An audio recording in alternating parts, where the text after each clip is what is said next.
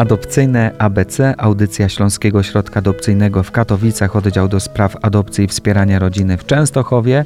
Ze mną w studio, podobnie jak e, tydzień i dwa tygodnie temu, pani Żaneta Janik, kierownik ośrodka. Dzień dobry. Dobry. I pani Justyna Pietrzyca-Ryterska, psycholog ośrodka. Dzień dobry. Dzień dobry.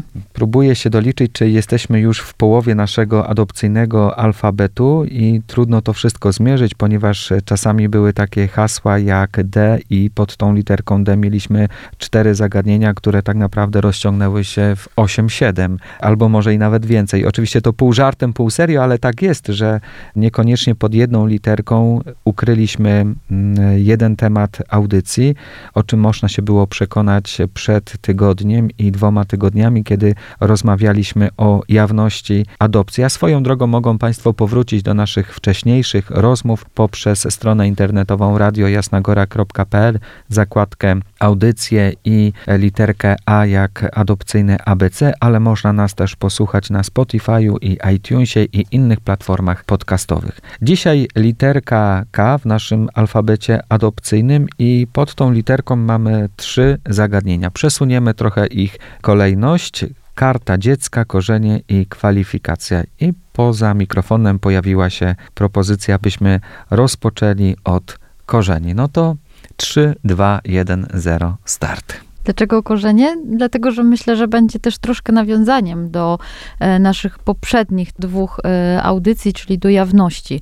Jakby tak naprawdę te dwa, i jawność i korzenie, tak naprawdę nam się Ze sobą łączą. łączą, tak? E, jeśli mówimy o jawności, mówimy również o korzeniach, czyli o tym, skąd te dzieci pochodzą, z jakich domów, jakie mają doświadczenia, więc jakby to, to jakby jest bardzo mocno powiązane ze sobą. Ten obraz y, przywołuje mi na pamięć tak metaforycznie drzewo, któremu jeśli podetniemy korzenie, to wiemy, co się z nim dzieje, usycha od razu.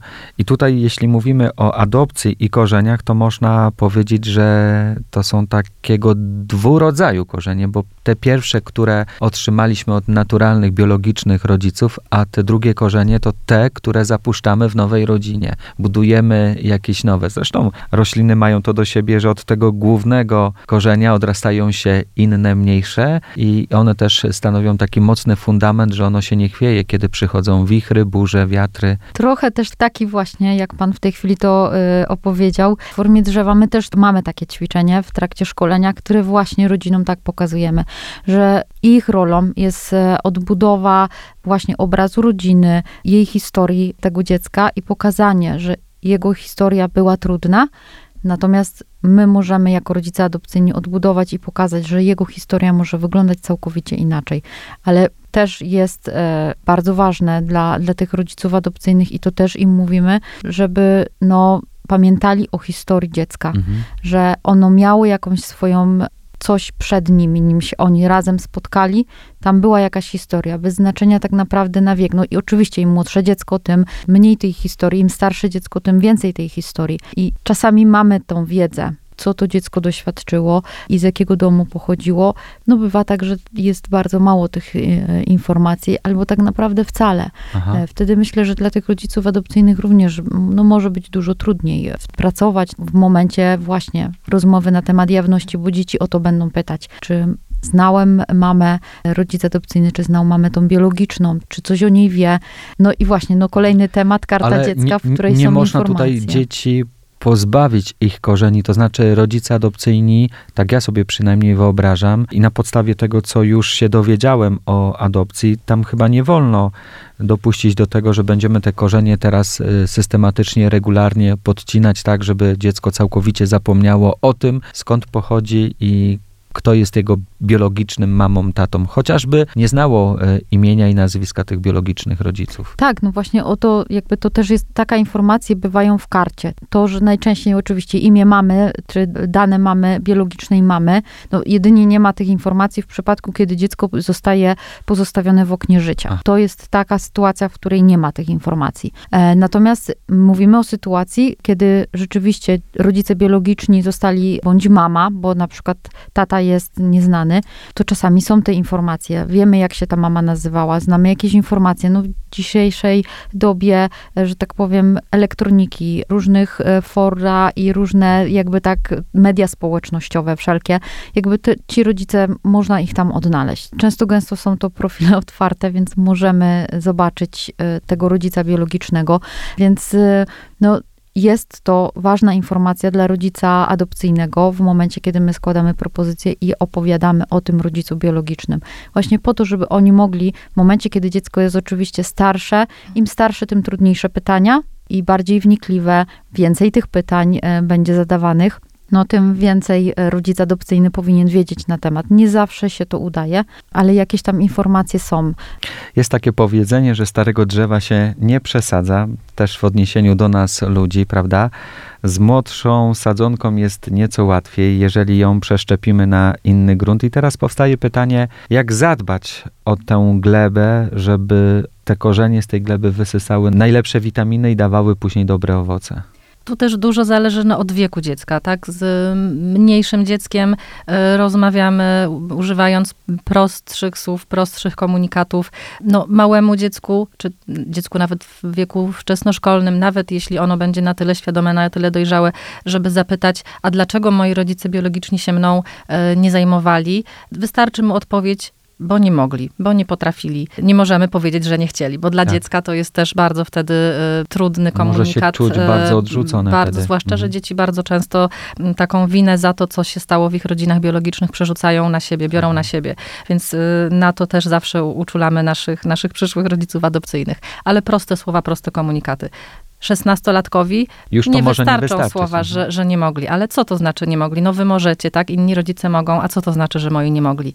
No i oczywiście w zależności od tego, co, jaką wiedzą dysponują y, rodzice adopcyjni, no poszerzają tą wiedzę, tak? No bo byli chorzy, no a na co, tak? No na przykład byli uzależnieni, tak? I, i, i jest to już jakaś odpowiedź, która no, może takiemu nastolatkowi wystarczyć. wystarczyć. On już ma świadomość, będzie miał najprawdopodobniej świadomość, co to znaczy uzależnienie, z czym się wiąże, jak y, potrafi zniszczyć życie tak naprawdę człowieka i, i, i spowodować, że nie jest w stanie funkcjonować tak w żadnych rolach, w żadnych rolach społecznych. Jeśli przysposobione dziecko jest już na, na tyle duże, czy pełnoletnie już nawet w zasadzie, bo, bo to właśnie pełnoletność jakby tutaj umożliwia umożliwia też poszerzenie zdobywania tej wiedzy, można zwrócić się do sądu z prośbą o wgląd do dokumentów adopcyjnych.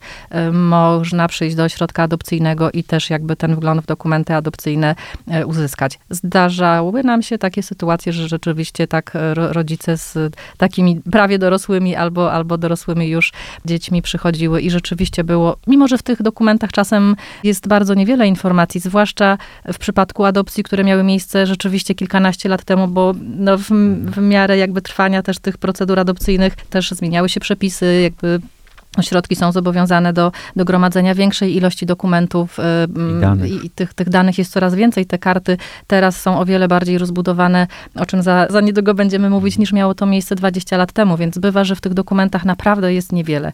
Ale to jest ważne. To, to z perspektywy tego młodego człowieka, owszem, on już wie od tych swoich rodziców adopcyjnych, że było tak i tak, ale to jest jeszcze takie domknięcie, zobaczenie tych dokumentów. E, tak fizycznie. Tak, tak namacalnie. Mimo to, że ta wiedza rzeczywiście jest taka sama, przekazana przez rodzica adopcyjnego, ale jednak widzimy, że te dzieciaki chcą to zobaczyć, że tak powiem, namacalnie, naocznie i jakby się przekonać, że rzeczywiście to jest, to co mówi mama adopcyjna, to jakby jest prawdą też, nie? Myślę, że też jest wcale nie mało grono takich dzieci adoptowanych, które chcą wrócić do tych swoich pierwszych dni swojego życia, gdzie przebywali jeszcze w rodzinach biologicznych, stąd też podejmują niejednokrotnie ogromne wysiłki, trwające może tygodnie, miesiące, lata, żeby odnaleźć biologiczną mamę, tatę, odnaleźć adres, odnaleźć miejsce, gdzie się wychowywały w tych pierwszych dniach, tygodniach, miesiącach. Bywa, ale nie jest to, mamy wrażenie, aż tak bardzo częste. Zjawisko? Chyba dużo mhm. częściej gdzieś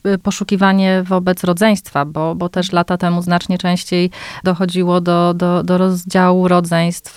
Bywało tak, bywa tak dalej również czasem, że, że na przykład dziecko, dzieci jakieś zostają przy rodzicach biologicznych, a na przykład ich rodzeństwo zostaje odebrane e, i, i już jakby odgórnie ten, ten podział nastąpił, e, albo dzieci trafiają do różnych miast, do różnych placówek i, i też później e, nie, nie dało się tych procedur w jedną całość połączyć.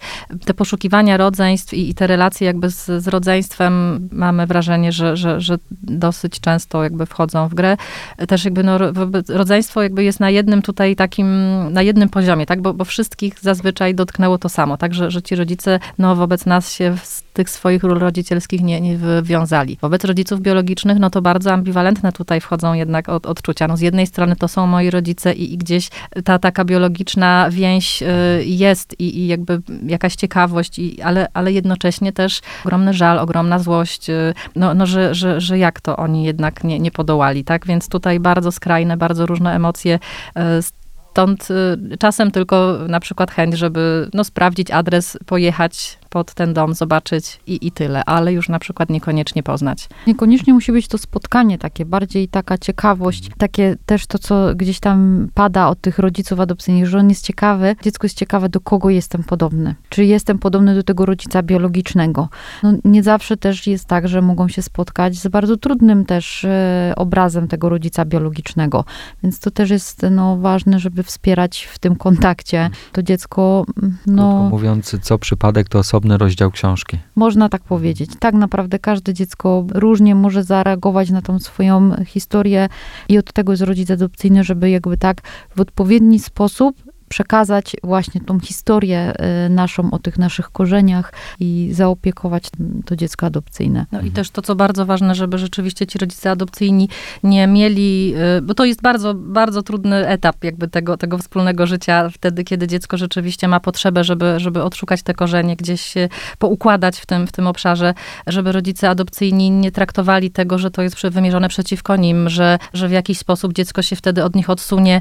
Nie, dziecko wtedy Albo, właśnie je stracą. Albo, że je stracą. Nie takie lęki, obawy e, też często Częste pytania mamy mhm. takie i uh-huh. rzeczywiście to w obawach takich adopcyjnych też, że dziecko się wyprowadzi od nas. Tak jak pozna rodziców biologicznych, to się wyprowadzi. Ciągnie pełnoletność. No, nie, nie mamy takich doświadczeń. Natomiast um. mam poczucie, że jakby to jest właśnie sytuacja, w której być może jest to sytuacja, gdzie najbardziej tak naprawdę właśnie wtedy dziecko e, adopcyjne potrzebuje wsparcia tych rodziców e, adopcyjnych, bo ono ma z nimi więź, tak? To oni je wychowali. Natomiast, żeby domknąć ten etap, odciąć się od tego raz na zawsze, iść dalej, jakby w tą dorosłość wejść rzeczywiście takim poukładanym, to właśnie wyjątkowo potrzebuje y, tego, żeby ten rodzic był obok, wspierał, towarzyszył e, i jakby akceptował, nie miał, tak żeby dziecko też nie, nie miało takiego poczucia konfliktu lojalności, że, że ja tymi swoimi poszukiwaniami sprawiam mojej mamie przykrość i, i mama po kątach płacze, tak, bo, bo to wtedy też jest bardzo niszczące dla, dla relacji. I myślę, że też tutaj ten temat wymaga od rodziców adopcyjnych takiej ogromnej dojrzałości,